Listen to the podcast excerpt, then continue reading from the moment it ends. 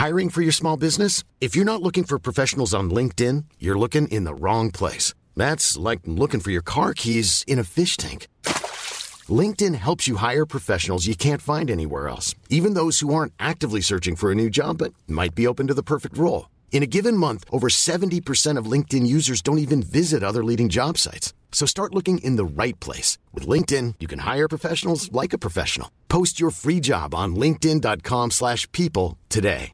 Ready to pop the question? The jewelers at BlueNile.com have got sparkle down to a science with beautiful lab-grown diamonds worthy of your most brilliant moments. Their lab-grown diamonds are independently graded and guaranteed identical to natural diamonds, and they're ready to ship to your door. Go to BlueNile.com and use promo code LISTEN to get $50 off your purchase of $500 or more. That's code LISTEN at BlueNile.com for $50 off. BlueNile.com code LISTEN.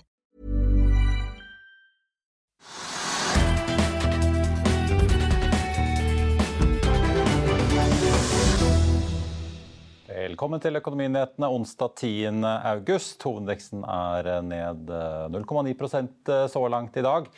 Nordsjøoljen ligger ned litt over halvannen prosent til 94 dollar og 90 cent. Vi kommer innom emisjonen i Borr, inflasjonstallene og også fallet i lakseaksjene og mye mer i dagens sending.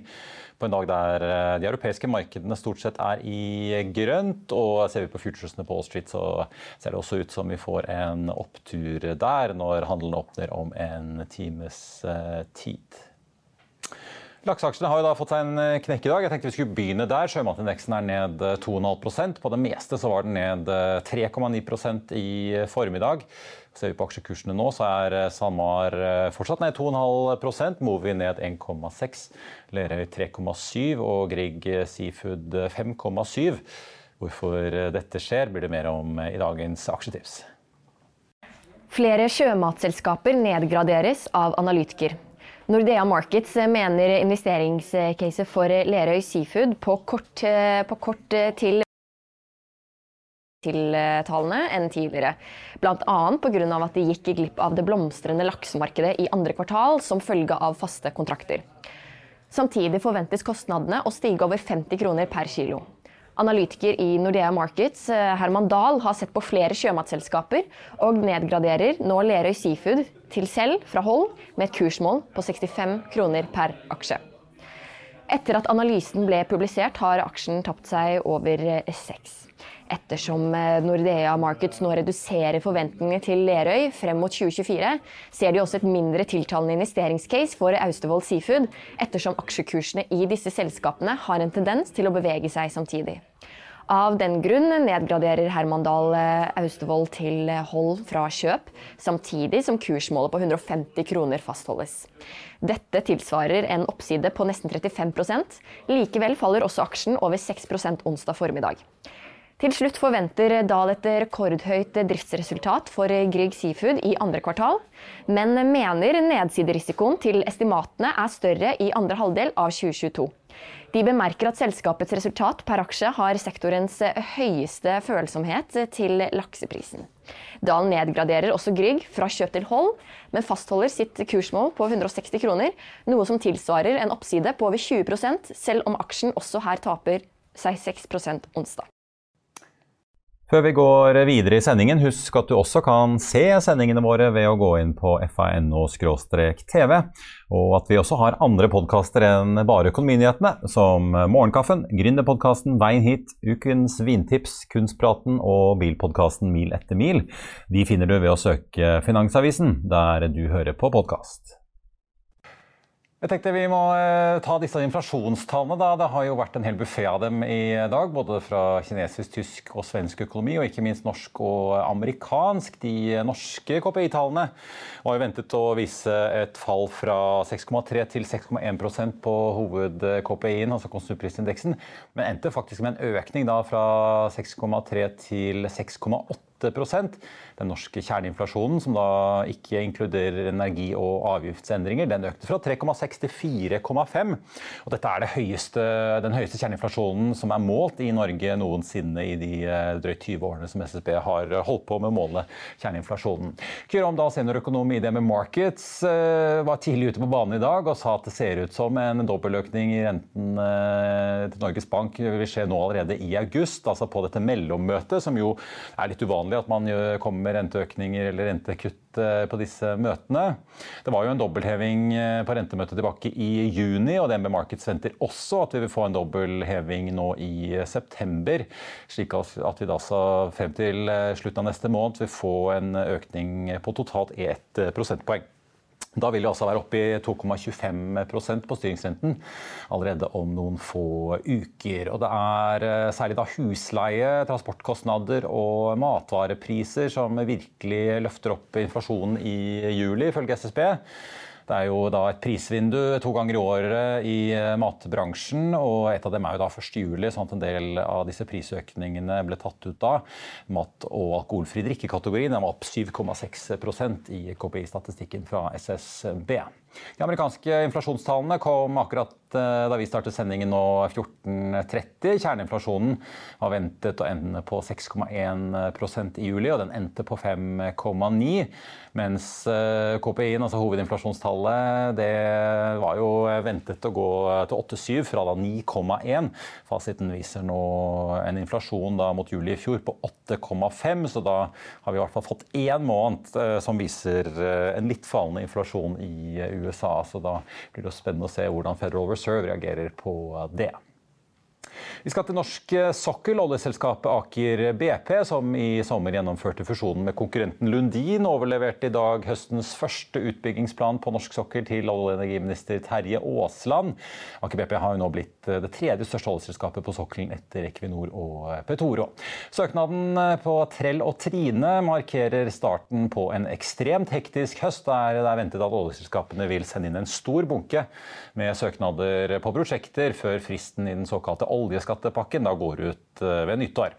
Bare Aker BP alene planlegger å sende inn totalt 15 søknader om ulike feltprosjekter i år, hvorav dagens søknad er den første, altså. Listen over prosjekter som kommer fra bransjen er lang, men det er jo da særlig Wisting-prosjektet i Barentshavet og Nåka-prosjektet i Nordsjøen som er de to virkelig store sløggerne, får vi si. Trell og Trinn-utbyggingen blir den tredje satellitten som Aker BP har søkt om å få bygge ut i Alvheim-området bare det siste året. Det er snakk om investeringer på rundt 6 milliarder kroner kroner, og en balansepris som ifølge Aker ligger på rundt 30 dollar per fat. Som med nesten en oljepris på ja, like under 95 dollar, så er dette svært god eh, butikk. Ikke bare for selskapene, men også for staten. Prosjektet gir 25 med nye millioner fat, og hvis man da regner med, feltene, med fatene som er produsert og de som er vedtatt bygget ut, så er man nå oppe i 750 millioner fat på Avheim, med et mål om 1 milliard, opp fra da 180 millioner i det første anslaget da feltet ble bygget ut for en god del års, år siden. Vi tok en prat med både oljeministeren og Aker BP litt tidligere en dag. Bare se her. Ine Dolve, direktør for drift og feltutvikling i Aker BP. Nå står vi på taket til Olje- og energidepartementet, og dere har akkurat eh, overrakt uh, denne søknaden til Trill og Trine. Vi skal komme litt tilbake til alle de andre søknadene dere skal levere, men først litt om dette prosjektet. 6 milliarder kroner i investering, hva er det egentlig dere skal gjøre på uh, Alvheim-området? Ja, det er en stor dag. Dette er en viktig utbygging for, for Alvheim.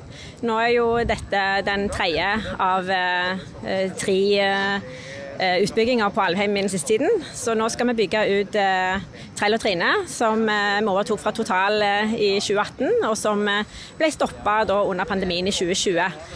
Eh, med hjelp av det nye skatteregimet så har vi nå klart å robustgjøre prosjektet til å kunne levere. Så nå skal vi bygge ut to manifolder og bore tre brønner.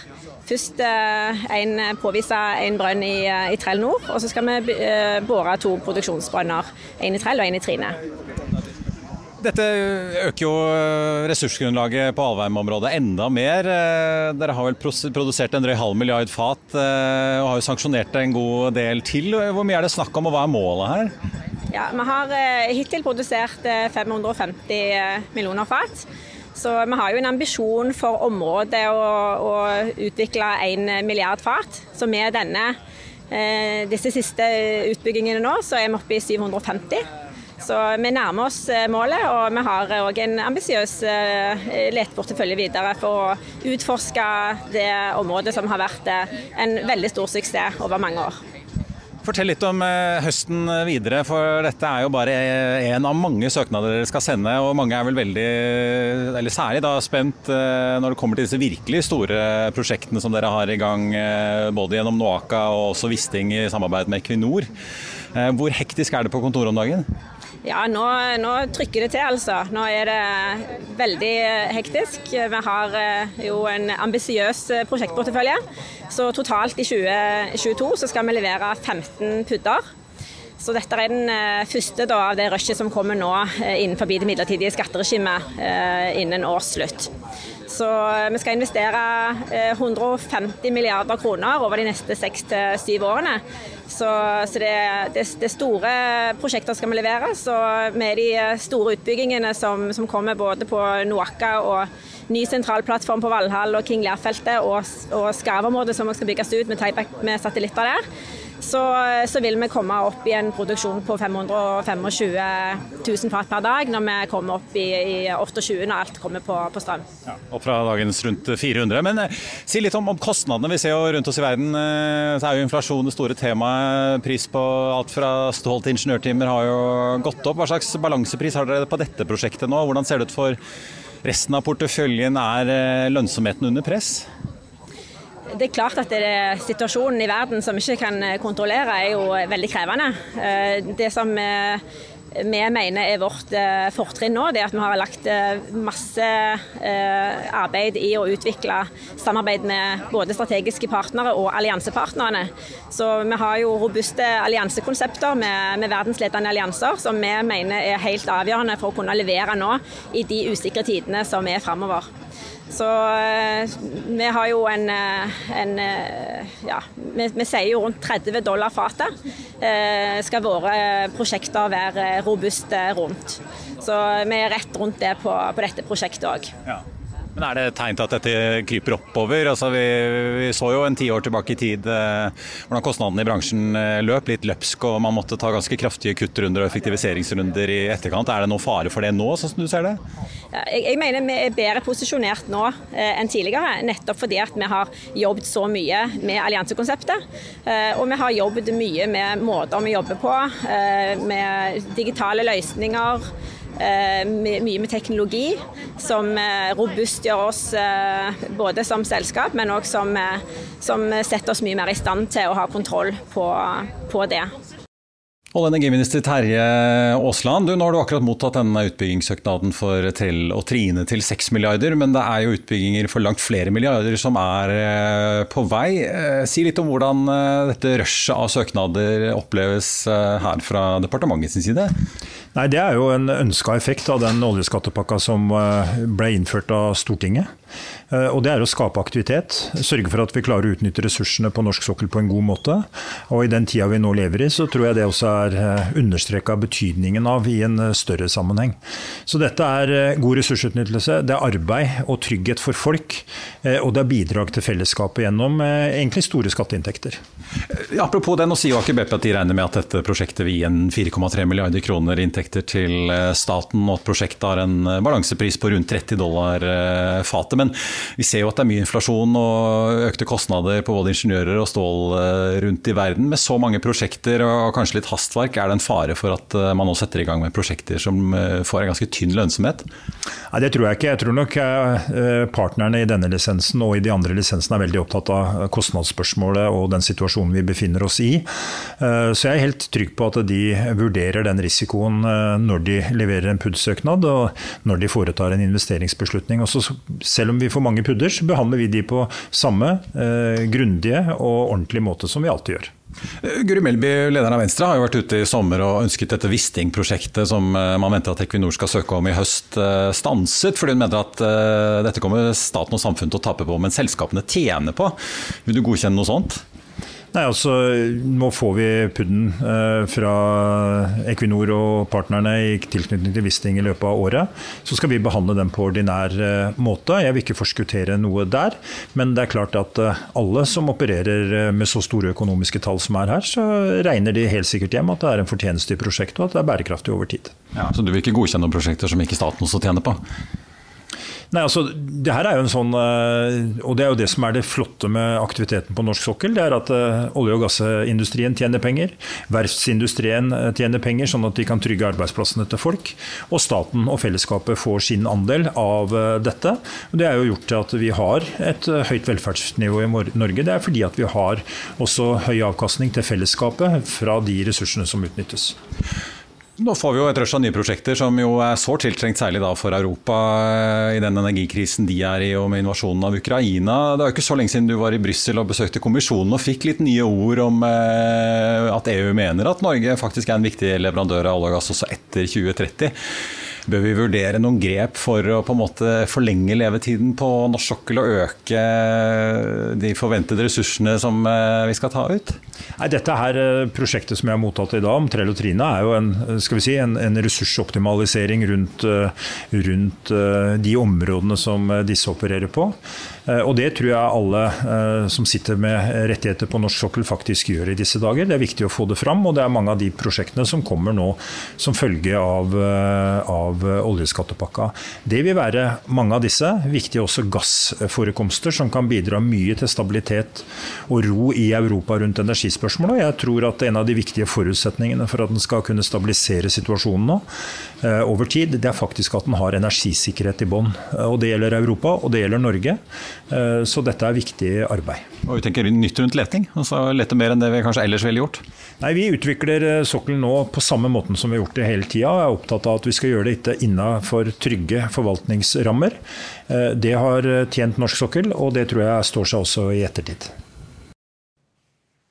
Og vi skal ta litt eh, andre aksjenyheter i dag. Robotlagerselskapet Autostore er ned nesten 5 i dag etter en nedgradering fra Sparebanken Markets analytiker Øyvind Mosige. Han gikk jo til hold på aksjen i november, og nå går han ned til en salgsanbefaling og kutter også kursmålet til 14 kroner. Aksjen handles til eh, rundt eh, ja, litt over 16 kroner eh, akkurat nå. Boy Drilling er ned nye 1,8 i dag, til 35 kroner og 60 øre. Selskapet varslet onsdag morgen at de vil hente 250 millioner dollar i en misjon, med en opsjon på 25 millioner dollar til, som en del av denne større refinansieringspakken til riggselskapet. Vi så jo at de fikk en avtale med bankene sine da, med forbehold om at de fikk på plass en emisjon for ikke så lenge siden emisjonen skal skje, til 3 dollar og 60 cent aksjen. Eh, og det er nettopp fordi at den kun skal rettes eh, mot New York-børsen og amerikanske investorer, og ikke her, og da ikke det blir ikke aksjer, utstedt aksjer her hjemme.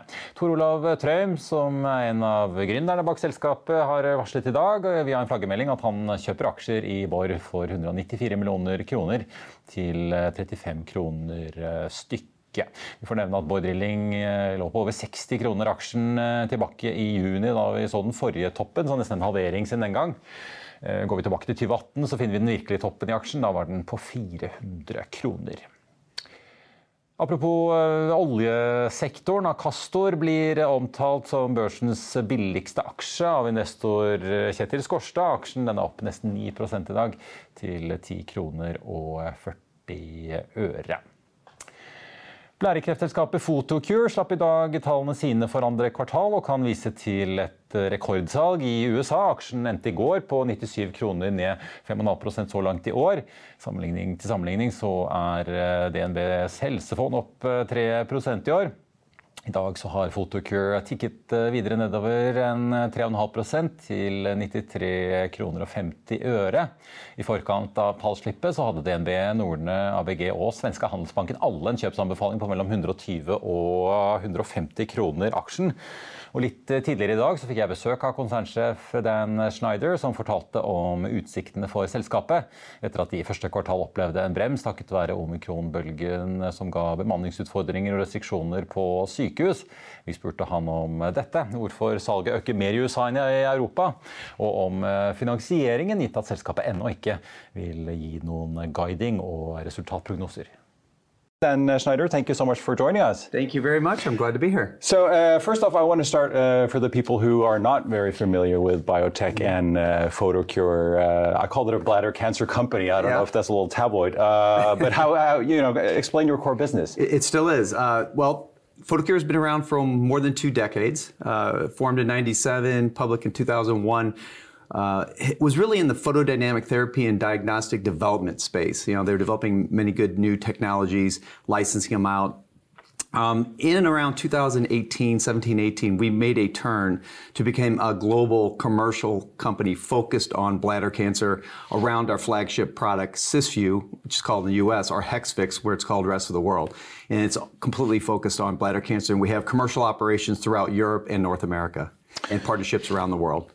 Uh, so we're going to get to some of the new things you're doing as well, uh, but I wanted to start off just with your uh, numbers. Your revenue grew from 90 to 100 million kroners this quarter compared to the same quarter last year.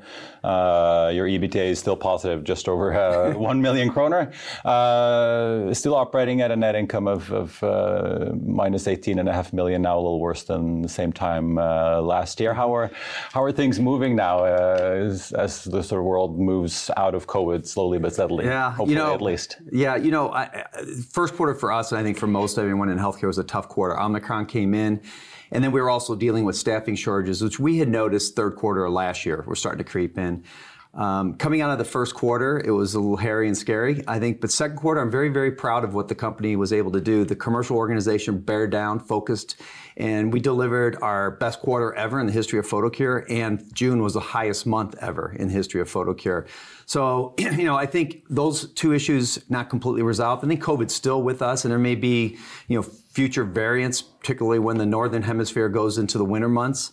Um, and I think also the staffing shortages, while they are resolving at uh, hospitals, not, right? At hospitals yeah. and, and offices, uh, they're not completely resolved. So there is uh, pressure on the systems in terms of number of procedures being done, access to ORs, nursing staff that knows what they're doing to be available to instill the, the product. And you know, we're, we're not a simple pop a pill type of product. It does require some some support. So, so you, have you been physically shut out of hospitals just because they had to prioritize uh, COVID care? Uh, in the early part of COVID, yes. I, and when you say shut out, shut out being us as sales reps didn't mean the, the patients were necessarily no, shut but out. you they, weren't able to. We weren't able to interact with the physicians. It's important when you're in the, you know, even though we're a pharmaceutical product, we sell like a med tech device. Uh, we're, we're coupled up with a large capital equipment piece of equipment, and together that's a, uh, a surgical procedure that requires representatives to be in those operating rooms from time to time to help the physicians make sure the equipment's operating the way it should, make sure the process of preparing the patient is going the way it's supposed to be going. So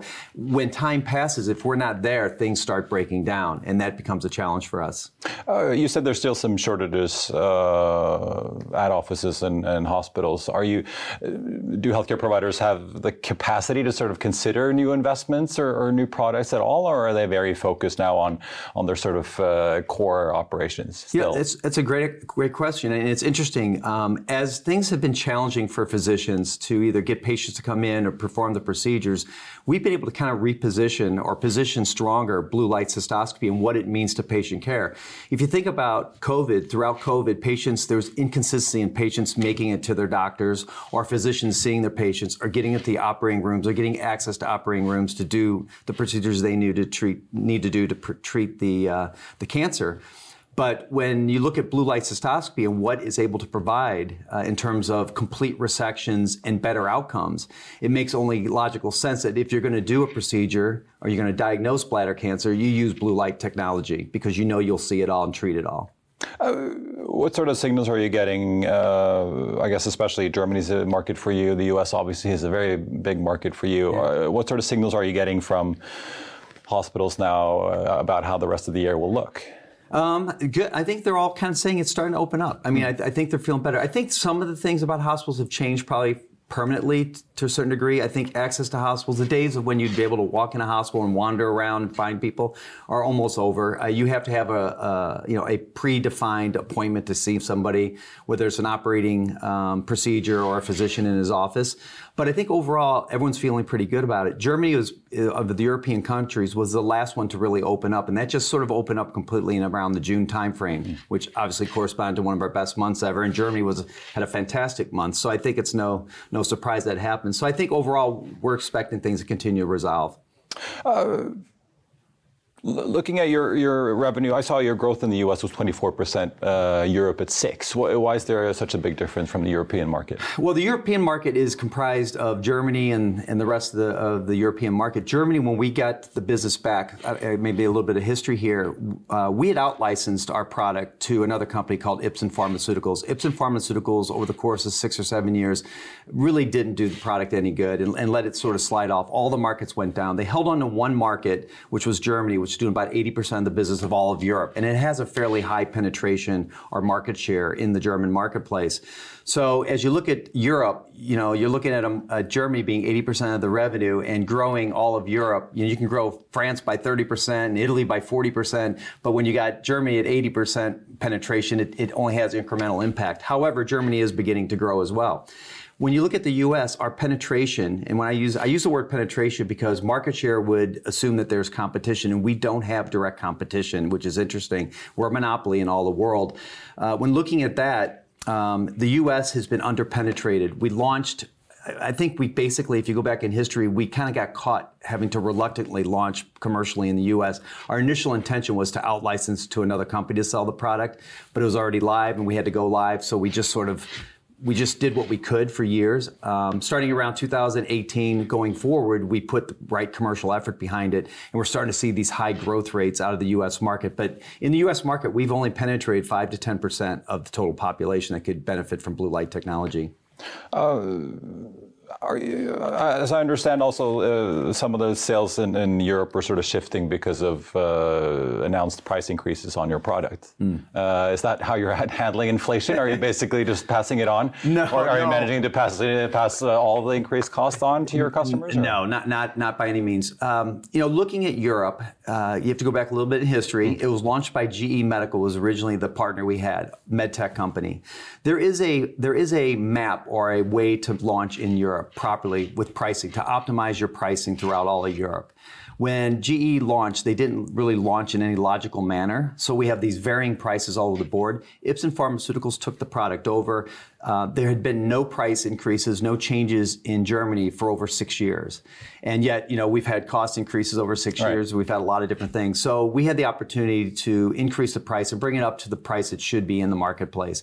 But in all, we're not there to, to you know, uh, take money or overextend ourselves in, in terms of going after more high prices. It was just more of an opportunity that the price wasn't really set at the right price. So.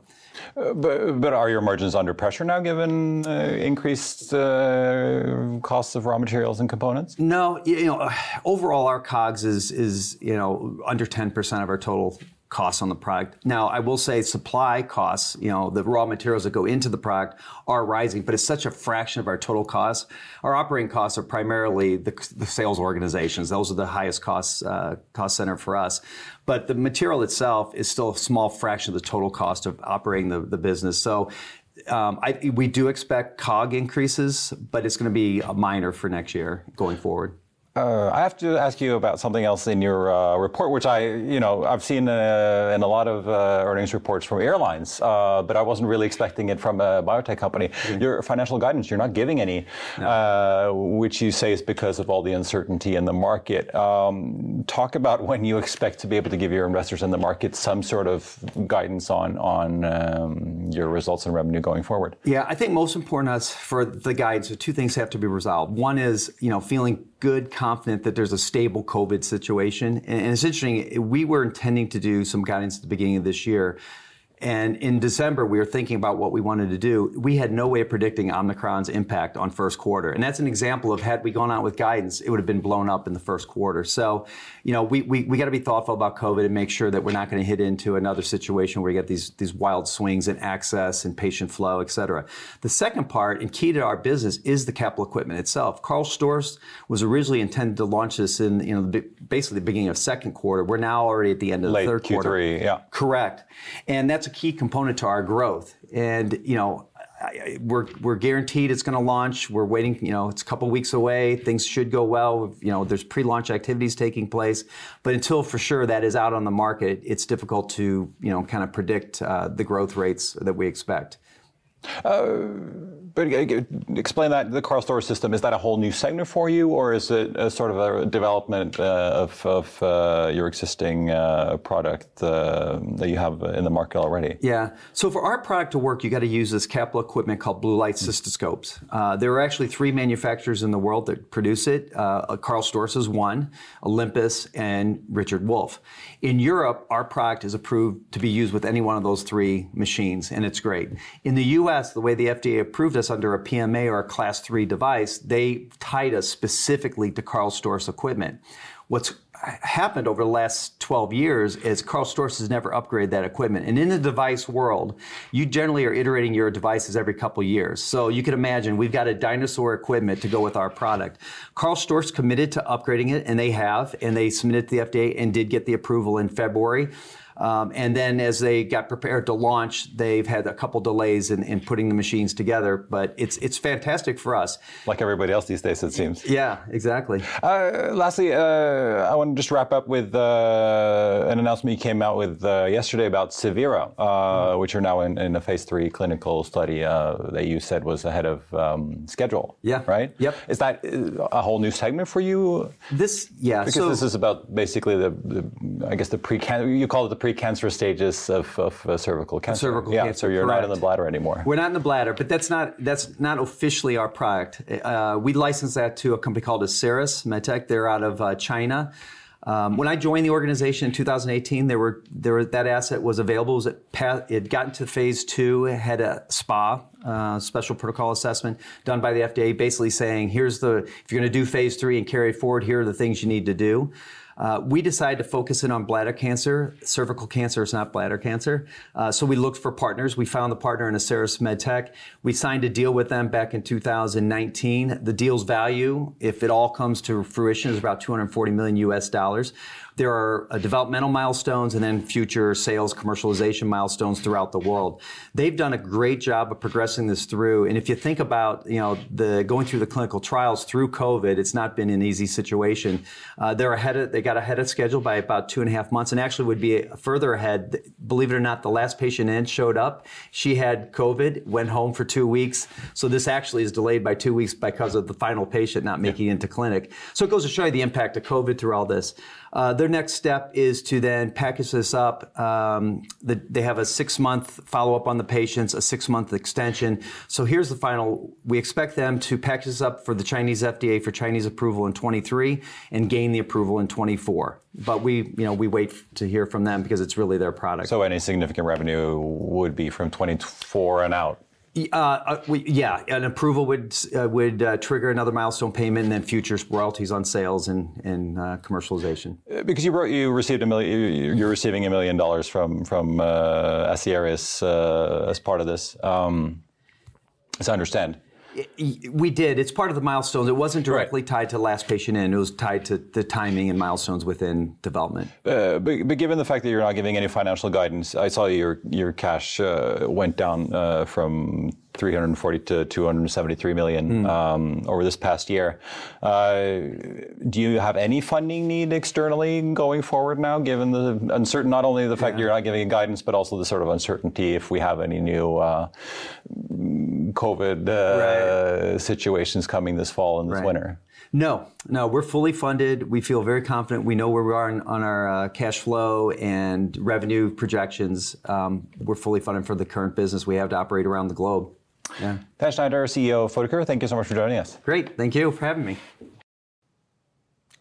Og Photocure er ned 2,6 så langt i dag, til 94 kroner og 50 øre. Vi må innom en annen aktør og en helt annen bransje der det også har kommet kvartalstall og kapitalmarkedsdag, ikke minst. Har Sparebanken Vest eh, har vært ute i dag med tall og målsettinger. Resultat før skatt endte på 720 millioner mot 748 på samme tid i fjor. Netto rente- og provisjonsinntekter økte fra 803 til 930 millioner. Banken sier ifølge TDN at eh, målet om utlån og innskuddsvekst ligger fast på 6% for personmarkedet og 8% for bedriftsmarkedet i år. Vekstmålene i eh, den eh, lille spin-offen Bulder Bank holder de også på, men banken sier at det kan bli mer krevende å nå de vekstmålene. I tillegg så har eh, Sparebanken Vest mål om en avkastning på egenkapitalen på minst 12% og et mål om å dele ut av minst 50% av resultatet til aksjonærene. Og styret skriver at de tror og forventer at eh, disse målene vil bli nådd i år. På tampen av dagen så tenkte jeg vi skulle se litt på markedet. For disse inflasjonstallene fra USA de har virkelig satt eh, fyr i eh, markedene. På, Oslo Børs er hovedveksten nå ikke mer ned enn 0,18-17% omtrent. Vi var jo ned rundt en prosent, og vi ser det samme på dagsindeksen i Frankfurt. Ting har skutt opp etter at inflasjonstallene Altså viste en lavere inflasjon i juli måned enn i juni. Et eh, tegn som investorene åpenbart har som eh, et lille sånn lettelsens sukk over at det ikke ble enda hardere kost fra Federal Reserve enn det man kanskje hadde regnet eh, med. Vi ser også på futuresene på Wall Street, som tyder på at vi kan få en ganske pen oppgang der når markedet åpner om noen og 20 minutter. Photocure som sagt kom jo med talldag, ned 2,6 Vi får også ta med da Otovo, som har eh, meldt om at de eh, allerede nå i månedsskiftet juli-august har passert hele salget sitt eh, i 2021 allerede. Og at de i det franske markedet har passert 2000 salg på plattformløsningen sin. Den aksjen er opp 3,7 Aker BP, som overleverte søknaden om Trell- og Trinefeltet, er ned en, ja, nesten halvannen prosent så langt i dag. Boy Dilling, misjonskandidaten altså, som skal hente 250 millioner, kanskje 275 i USA, ned nå 1,8% og sjømatindeksen på Oslo Børs ned 2,1% med ganske solid nedgang jevnt over hele fjølen egentlig i sjømatsektoren etter at eh, Nordea-analytiker Herman Dahl kom med en ny sektorrapport og gjorde mange kutt i anbefalingene på de eh, aksjene. I Finansavisen i morgen så kan du lese Trygves leder om eh, næringsminister Jan Christian Vestres damejakt. Du kan lese om Skala Eiendom og hva de tror om konsumet vårt og kjøpeiveren på kjøpesentrene fremover. Det blir mer om en økende laksepris og analytikernes syn på Bård Drilling etter emisjonsnyheten. Og Det var det vi hadde for deg her i dag, men vi er tilbake igjen i morgen klokken 14.30. Da får vi besøk av Nels nye toppsjef Håkon Voldal, som tok over 1.7 fra Jon André Løkke. I mellomtiden får du som alltid siste nytt på fa.no. Mitt navn er Marius Lorentzen. Takk for at du så eller hørte på, og så håper jeg vi ses igjen her i morgen.